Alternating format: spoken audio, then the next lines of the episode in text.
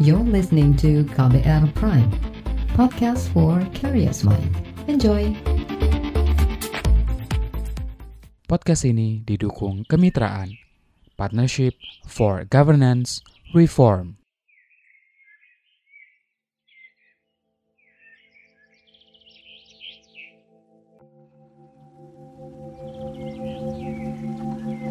Ini kabut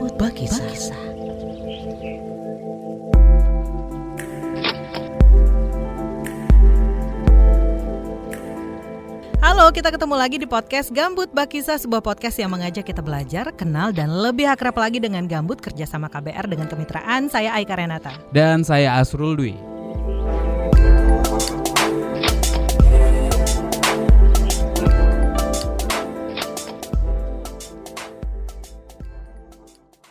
This is all wrong. I shouldn't be up here. I should be back in school on the other side of the ocean. Yet you all come to us young people for hope. How dare you? You have stolen my dreams and my childhood with your empty words, and yet I'm one of the lucky ones. People are suffering, people are dying, entire ecosystems are collapsing. We are in the beginning of a mass extinction, and all you can talk about is money and fairy tales of eternal economic growth. How dare you! Aku ya pertama kali dengar pidatonya Greta Thunberg ini merinding sekaligus takjub. Nah, maksudnya ya, anak semuda aku punya pemikiran yang luar biasa maju soal lingkungan dibandingkan orang-orang dewasa seperti Astrul. Ya mungkin karena orang dewasa gitu ya, kayak saya Hmm. puas memandang sesuatu itu secara lebih rumit daripada anak-anak. Ya, Gitu nggak sih ya? Kenyataannya memang Nah, begitu. Greta ini menyuarakan kekhawatirannya juga kekhawatiran banyak anak lainnya di seluruh dunia tentang bahaya perubahan iklim yang semakin mengkhawatirkan gitu. Kan mereka nanti yang akan hinggap atau hidup di dunia ini gitu ya. Betul. Greta adalah ikon anak muda dari luar negeri di isu lingkungan. Tapi kalau di dalam negeri ada nggak sih anak muda yang bersuara keras gitu soal perubahan iklim dan kelestarian ekosistem hutan utamanya gambut? Ada banyak loh sebenarnya Eka ya dan kita akan berkenalan dengan dua dari mereka di podcast Gambut Bakisah. Ada Sumarni Laman, volunteer di Youth Act, ini gerakan anak muda di bidang lingkungan dan leader dari program Heartland Project. Satu lainnya Wine Lenaria Sihotang yang aktif di Satgas Pemadam Kebakaran Hutan dan Lahan.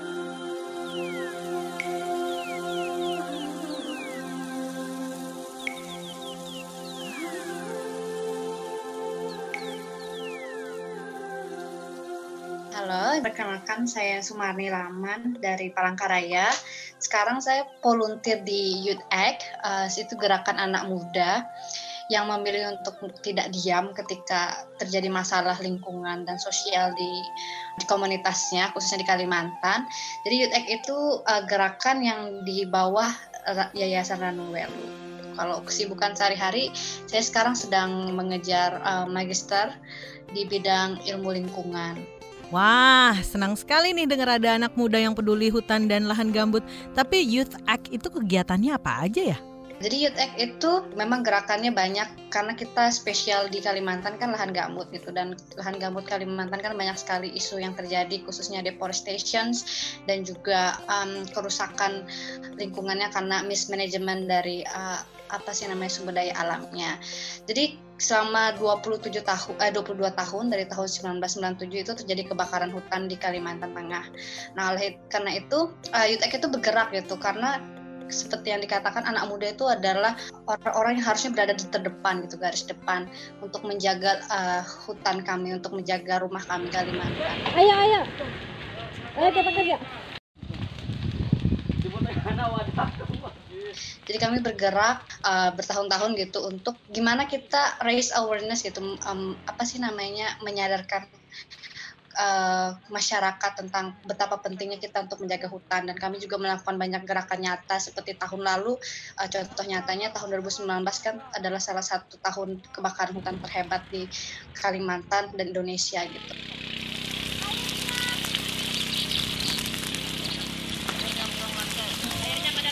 Jadi kami uh, berada bersama dengan para pemadam api di garis depan untuk madamin api gitu sejak bul uh, bulan Agustus. Jadi kebakaran itu kan terjadi dari bulan uh, Juni kalau di Kalimantan itu sampai uh, Desember akhir November lah. Uh, kami madamin api dari bulan Agustus karena jujur saja gitu anak-anak muda di Act itu adalah orang-orang baru gitu yang awam yang tidak tahu bagaimana cara madamin api. Jadi uh, untuk sebelum kami terjun itu kami ikut pelatihan dulu gitu dengan uh, dinas di uh, eh, LHK di Banjarbaru gitu yang memberikan kami kesempatan untuk belajar. Keren ya, keren ya. Anak muda memilih memadamkan api. Hmm, jadi penasaran apa sebenarnya mendorong mereka mau repot ngurusin api dan hutan? Padahal kan banyak tuh anak muda zaman sekarang yang kayaknya lebih tertarik jadi selebgram atau youtuber gitu gak sih?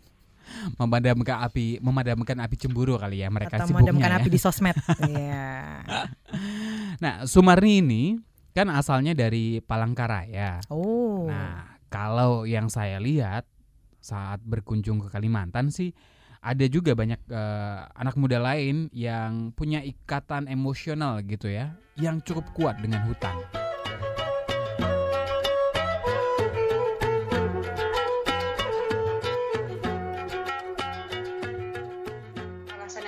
Itu mungkin karena ada ikatan emosional gitu dengan uh, dengan hutan Kalimantan. Karena um, saya lahir dan besar di Kalimantan dan saya juga adalah um, indigenous people atau uh, masyarakat adat Dayak gitu yang memang asli gitu dari Kalimantan. Dan Uh, sebagai orang yang apa sih namanya punya ikatan emosi itu jadi ngerasa bahwa oh saya juga punya peran dong untuk memelihara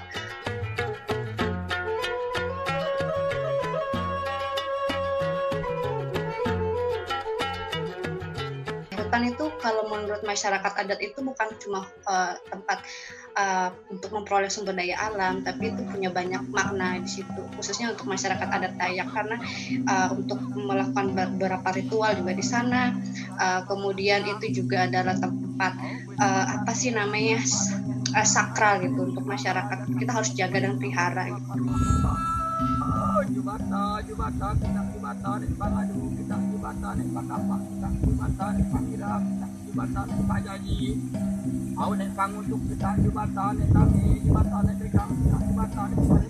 Dan uh, ada juga so yang mengatakan bahwa air itu adalah darah gitu. Kemudian tanah itu adalah tubuh kita gitu. Jadi hutan itu adalah sesuatu yang harus kita jaga dan pelihara. Nah,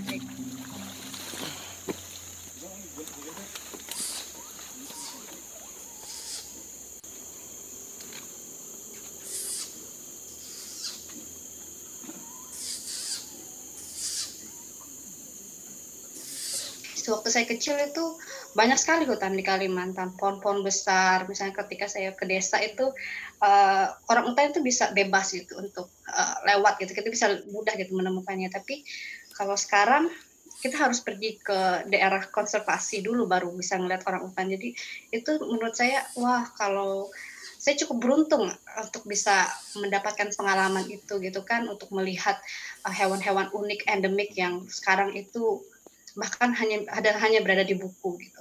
Nah, jadi bagaimana nanti uh, anak-anak saya nanti ketika besar nanti atau saudara-saudara saya apakah mereka juga punya kesempatan untuk melihat itu gitu. Jadi itu yang salah satu dorongan untuk saya juga um, ikut ambil bagian dalam gerak-gerakan peduli lingkungan khususnya menjaga hutan.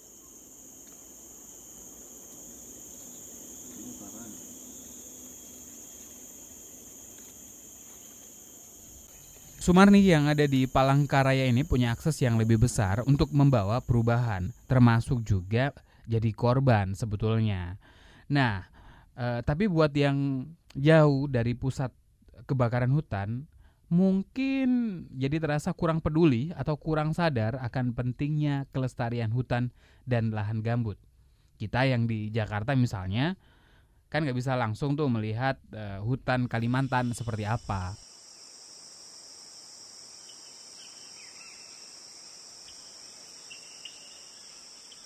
Kalau kita bicara tentang hutan, hutan itu memang lokasinya, misalnya hutan di Kalimantan, itu berarti bukan uh, bukan hanya milik orang Kalimantan gitu. Ketika kita melihat fungsi dari hutan itu yang untuk memberikan udara bersih, itu bukan hanya dirasakan orang Kalimantan. Jakarta juga bisa merasakan itu kan karena uh, apa sih namanya fungsi dari hutan itu sendiri untuk menyerap emisi karbon karbon karbon dioksida. Jadi kita ketika kita bicara melindungi hutan itu berarti bukan hanya tugas dari or, anak muda yang ada di Kalimantan atau orang-orang di Kalimantan, tapi seluruh warga Indonesia bahkan dunia gitu kan.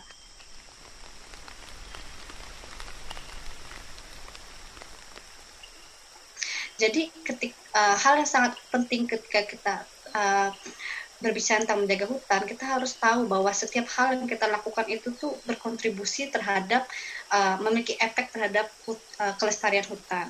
Apa yang kita konsumsi itu juga berpengaruh terhadap Kalimantan gitu. Contohnya kenapa begitu besar uh, deforestasi terjadi di Kalimantan? Kalau kita lihat alurnya gitu. Itu kan karena permintaan pasar terhadap suatu komoditas tertentu sangat besar gitu. Dan perusahaan-perusahaan yang menyediakan komoditas itu tidak peduli terhadap lingkungan gitu.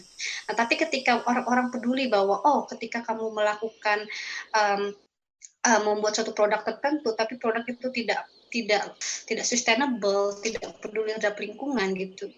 Uh, dan kita mendorong agar perusahaan itu bisa bisa uh, lebih peduli terhadap itu, bukan hanya tentang hutan ya, tapi juga tentang masyarakat sekitar yang ada di situ. Itu kan akan uh, memiliki dampak yang besar gitu. Jadi kesadaran kita terhadap hal kecil yang kita lakukan, apa pun yang kita beli gitu, itu tuh atau apa pun yang kita lakukan bisa berdampak terhadap hutan gitu. Itu suatu hal yang harus kita sadari dari sekarang. Gitu.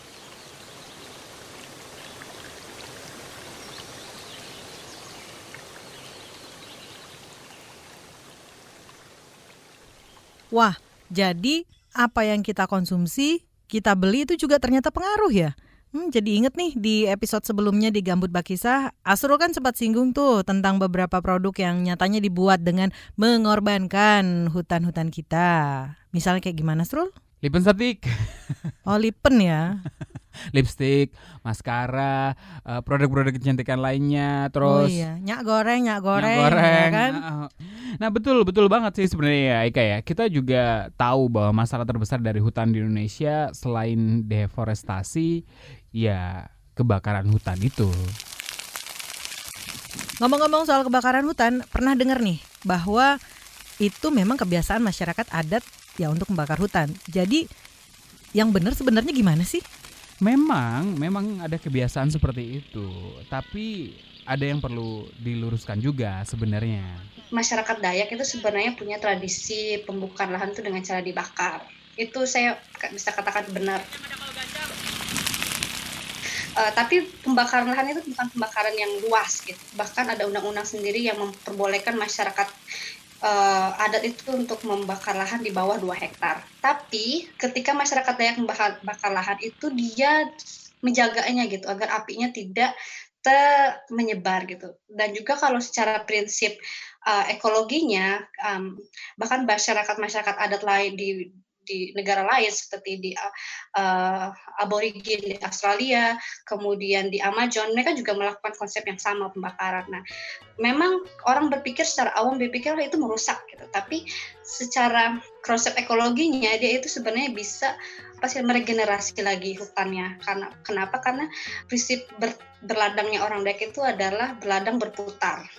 Jadi ketika rotasi, jadi ketika dia pakai lahan ini untuk tahun ini, tahun depan dia nggak pakai lagi dia akan membiarkan itu tumbuh gitu jadi pembakaran itu juga sebenarnya untuk meregenerasi dan pembakarannya tidak luas gitu.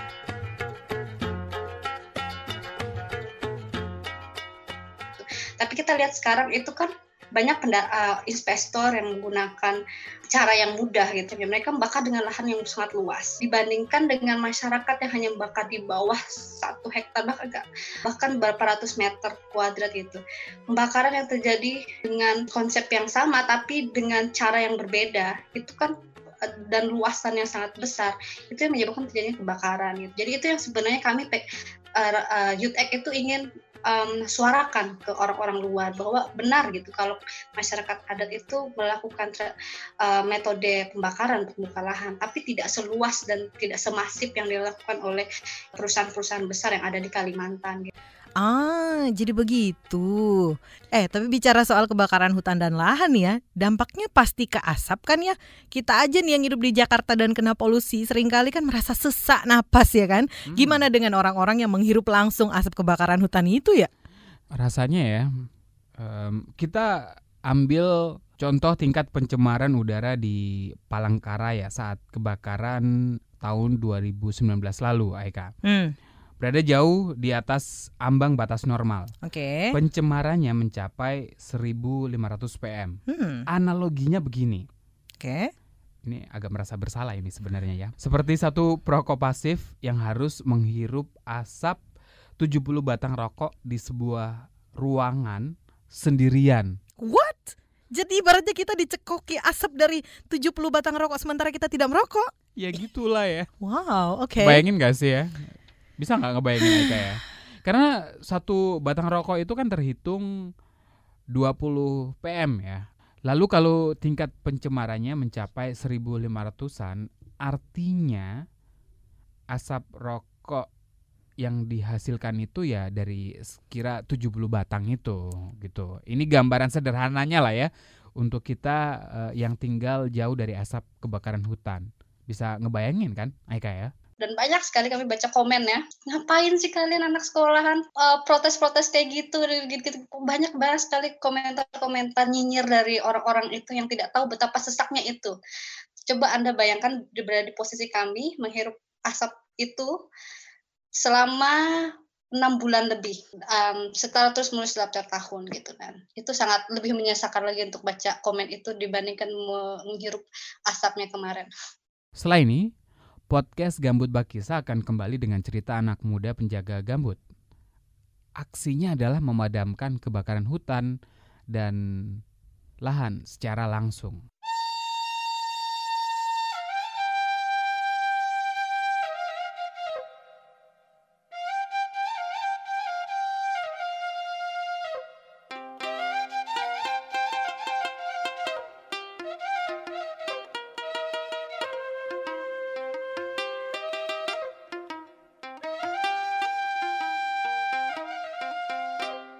Kami kembali lagi masih mendengarkan podcast Gambut Bakisah kerjasama kemitraan dengan KBR.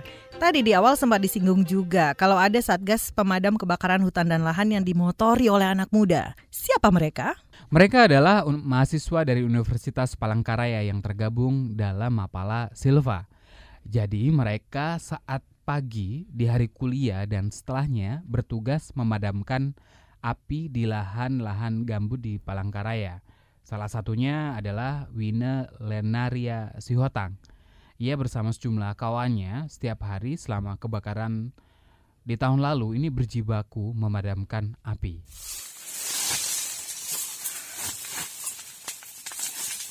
Oke, sekarang kami memadamkan secara manual karena mesin yang ada itu lagi bermasalah. Jadi untuk sementara kami menggunakan manual yaitu dengan mematikan api menggunakan kayu yang ada di sekitar. Perkenalkan saya Wine, masih status mahasiswi di Universitas Palangkaraya jurusan Kehutanan. Nah, saya tergabung dalam organisasi mahasiswa pecinta alam di kampus Universitas Palangkaraya. Nah, kan status mahasiswa pecinta alam itu ya bergerak di bidangnya memang ke lingkungan. Terus pada kebakaran pada tahun 2019 kemarin, kami juga memang tergabung dalam satuan tugas pemadam kebakaran di Universitas Palangkaraya. Wah, wah, wah, apa mereka nggak lelah ya? Udah kuliah, tapi sambil madamin api kebakaran hutan dan lahan pula. Apalagi kalau di kampus kan dilihat muka kita kayak udah capek, pucat kayak gitu. Kan. Ngapain sih ikut-ikut kayak gitu, katanya kayak gitu. Ada kok yang memang bagiannya ke situ, ada kok memang pemadam ke situ katanya kayak gitu. Buat-buat story aja kayak gitu. Padahal ya kita ya nggak usah dengar, ya toh kita yang tahu manfaatnya untuk kita, apa manfaatnya untuk alam juga. Mereka itu nggak sadar. Di situ kita juga sama kayak menyelamatkan mereka juga gitu loh. Mereka udah melihat dampaknya sendiri malah belum ikut bergerak hatinya. Di situ kan memang asli tiga bulan kami kayak tiap hari hari harinya di situ. Paginya ngampus siangnya pergi madam kayak gitu. Pelan pelan pelan pelan pelan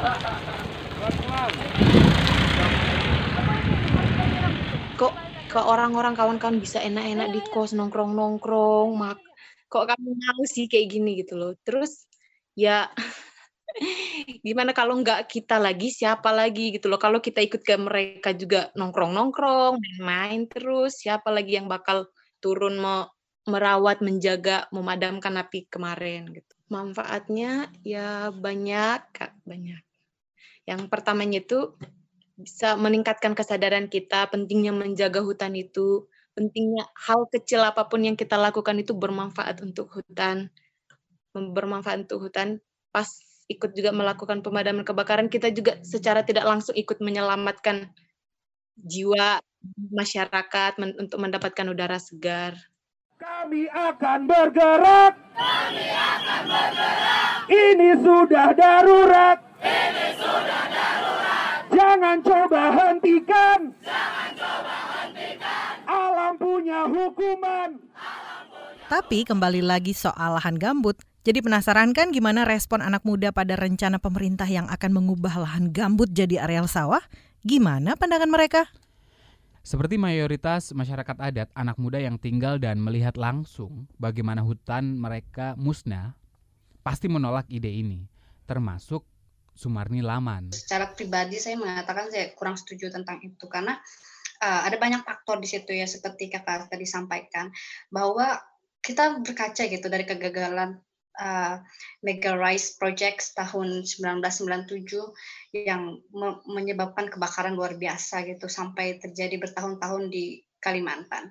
Tapi itu bukan hanya masalah ekologinya, kerusakan ekologinya, tapi juga dampak masyarakatnya karena terjadi uh, apa sih namanya jealous, jealousy karena kan orang-orang uh, yang didatangkan sebagai pekerja di situ kan orang dari luar Kalimantan gitu. Itu uh, dan untuk anak-anak muda sendiri kalau kita lihat tidak memiliki pekerjaan di Kalimantan tuh anak mudanya tuh sangat banyak gitu. Nah, kalau misalnya bisa diberdayakan untuk itu proyek itu lebih ke membawa wawasan lokal ke dalam proyek itu dan juga meng mengajak orang lokal untuk ayo kita gimana sih untuk proyek um, proyek ini tuh bisa berhasil gitu tanpa uh, apa sih mendengar masukan dari luar. Nah, kegagalan proyek mega project tahun era Soeharto itu kan karena dia apa sih namanya menggunakan masukan-masukan dari luar Kalimantan gitu untuk mengerjakannya. Padahal kan lahan gambut itu sangat unik. Gitu kan dia ekosistem yang sangat unik lahan basah yang memang harus dijaga uh, apa sih namanya tingkat airnya. Ketika dia dikering dikeringkan dibuat irigasi itu kan menjadi sangat uh, mudah kering dan mudah terbakar ya sangat rentan terhadap api gitu karena memang bahan dasarnya adalah bahan-bahan organik dari segala uh, pelapukan dedaunan atau pepohonan gitu. Nah, ya salah satu kegagalan proyek itu adalah memang karena tidak memikirkan dampak ekologisnya terhadap gambut. Ketika dibuka lahan gambut itu sendiri, kemudian um, tidak di apa sih namanya perhitungkannya atau tidak diikutsertakannya masyarakat lokal dalam proyek itu gitu. Dan juga menyebabkan terjadinya uh, kecemburuan sosial antara masyarakat lokal dan masyarakat pendatang. Dan bahkan uh, dampak ekonominya terhadap masyarakat. Karena seperti yang saya jelaskan di awal um, hutan itu bukan hanya tentang sumber daya alam gitu masyarakat adat Dayak itu melihat hutan itu adalah rumah gitu yang harus dijaga dan dipelihara dan itu punya ikatan emosi dengan masyarakat dan juga adalah tempat yang sakral juga untuk beberapa masyarakat adat gitu. Nah, dan itu tidak diperhitungkan dalam proyek itu. Jadi kalau ini dilakukan lagi dengan kesalahan uh, dengan konsep yang sama, itu pasti akan uh, menyebabkan uh, kegagalan yang sama lagi dan mungkin bisa berdampak lebih besar lagi gitu.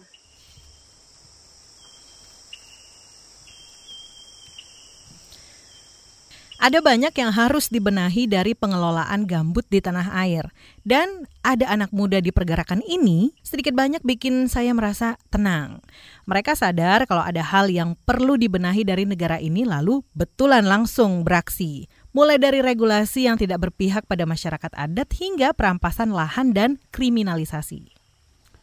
Gerakan Youth Act yang dimotori oleh Yayasan Ranu Welum ini juga memberikan pengetahuan tentang advokasi pada anak-anak muda. Mereka saat ini berani berada di garda terdepan untuk menolak kriminalisasi pada peladang yang belakangan banyak ditangkap karena dianggap melanggar aturan membakar lahan.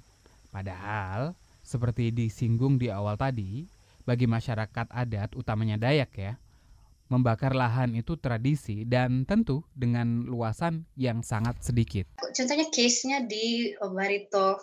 Jadi ada masyarakat adat yang tersiksa gitu, terdiskriminasi karena adanya perusahaan besar di sana.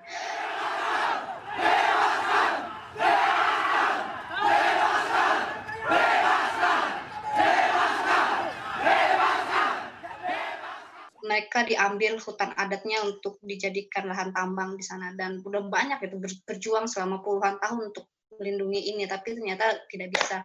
Dan memang eh, sepertinya peraturan perundang-undangan itu hanya dibuat formalitasnya saja gitu kan. Terkesannya yang penting ada gitu. Tapi ketika jalur pembuatan pembuatan undang-undangan itu sebenarnya uh, harus harus melibatkan masyarakat kan sebenarnya. Harus masyarakat juga harus bersuara di situ harus menyampaikan opininya tentang peraturan perundang-undangan. Karena memang hakikatnya undang-undang itu dibuat untuk melindungi masyarakat gitu kan. Tapi ternyata itu hanya formalitas saja. Ketika masyarakat diundang oke okay, gitu didengarkan gitu. Tapi ketika dibuat undang-undangnya ternyata um, ternyata itu tidak berpihak kepada masyarakat gitu dan uh, bahkan banyak juga kasus di mana undang-undang itu dibuat tanpa tanpa melibatkan masyarakat sama sekali gitu. Siapa suruh kalian maju? Saya Yus. Pakai jaku. Yus, Yus. Pakai jaku. Yus. Yus, Yus. Yus. Pakai jaku. Kalau tato sama ini pikul. Kalau tato sama ini pikul. Yus, tunggu dulu. Uh, dan juga seperti perundang-undangan mengenai um, pembakaran lahan itu itu sudah ada undang-undangnya bahwa peraturannya bahwa untuk masyarakat adat itu boleh membakar di bawah dua hektar gitu. Tapi ternyata udah ada undang-undang-undangnya berarti kan udah kekuatan hukum yang melindungi masyarakat adat kan ternyata tidak gitu ternyata kenyataannya banyak masyarakat yang tetap di uh, dikriminalisasikan terhadap hal ini gitu. Nah itu yang memang kita perju dari Youth sendiri dan Ranuel itu berjuang untuk bagaimana caranya masyarakat adat ini bisa mendapatkan perlindungan hukum gitu. Uh, tentang masyarakat adat itu kan sampai sekarang masih belum di itu kan masih belum disahkan kan. Padahal itu kan salah satu janji Presiden uh, Joko Widodo. Sejak pertama kali dia um, mencalonkan diri kan dia mengatakan bahwa akan uh, melakukan perlindungan hukum terhadap hak-hak masyarakat adat gitu dan ternyata sampai sekarang masih belum disahkan gitu RUU-nya ya itu satu hal yang disayangkan gitu.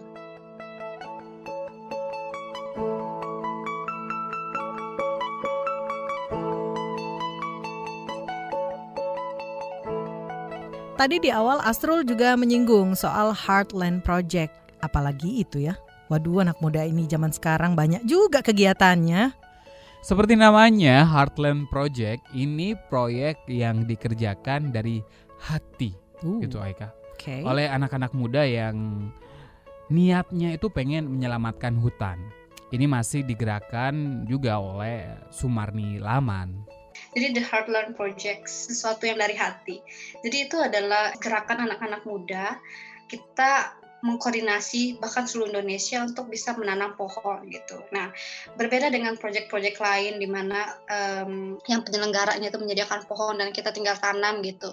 Kalau ini lebih kepada gerakan yang didasarkan dari uh, kesadaran untuk melakukan sesuatu untuk menjaga hutan. Jadi anak anak-anak muda itu mereka siapkan sendiri bibit pohon yang ingin mereka tanam kemudian mereka tanam di rumahnya atau di sekolah atau di kampungnya gitu jadi gerakan yang mem memang mereka sadari karena mereka peduli gitu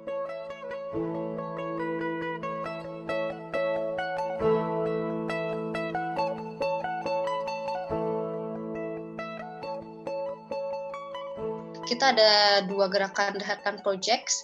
Jadi ada 3.500 uh, anak muda yang ikut um, melakukan penanaman pohon dan hampir hampir 8.000 pohon yang ditanam. Nah, kalau di Kalimantan Tengah sendiri kami menggerakkan masyarakat-masyarakat adat, kemudian uh, komunitas anak-anak muda pecinta alam, sekolah, uh, anak SD, SMP untuk ikut nanam pohon.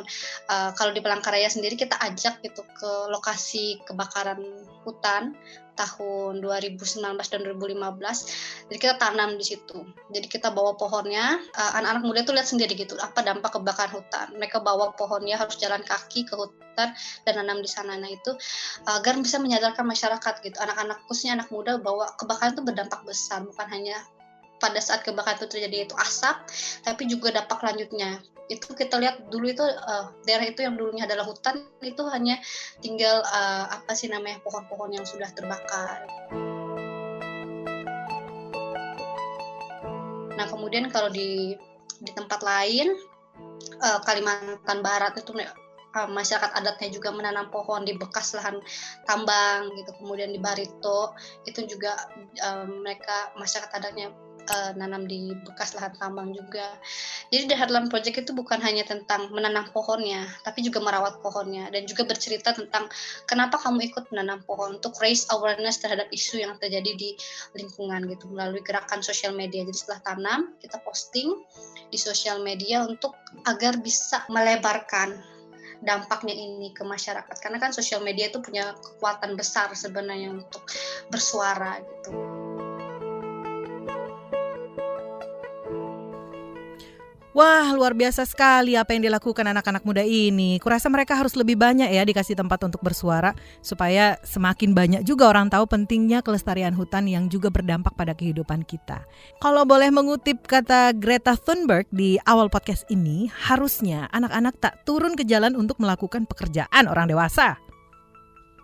Ya, semoga ya dengan ini banyak orang dewasa yang tergerak untuk melakukan tugasnya. Podcast Gambut Bakis akan balik lagi dengan episode lain yang membuat kita lebih paham soal pentingnya gambut. Masukan dan saran ditunggu ya. Silakan email ke podcast at kbrprime.id. Saya Asrul Dwi. Dan saya Aika Renata. Sampai ketemu lagi. Ya.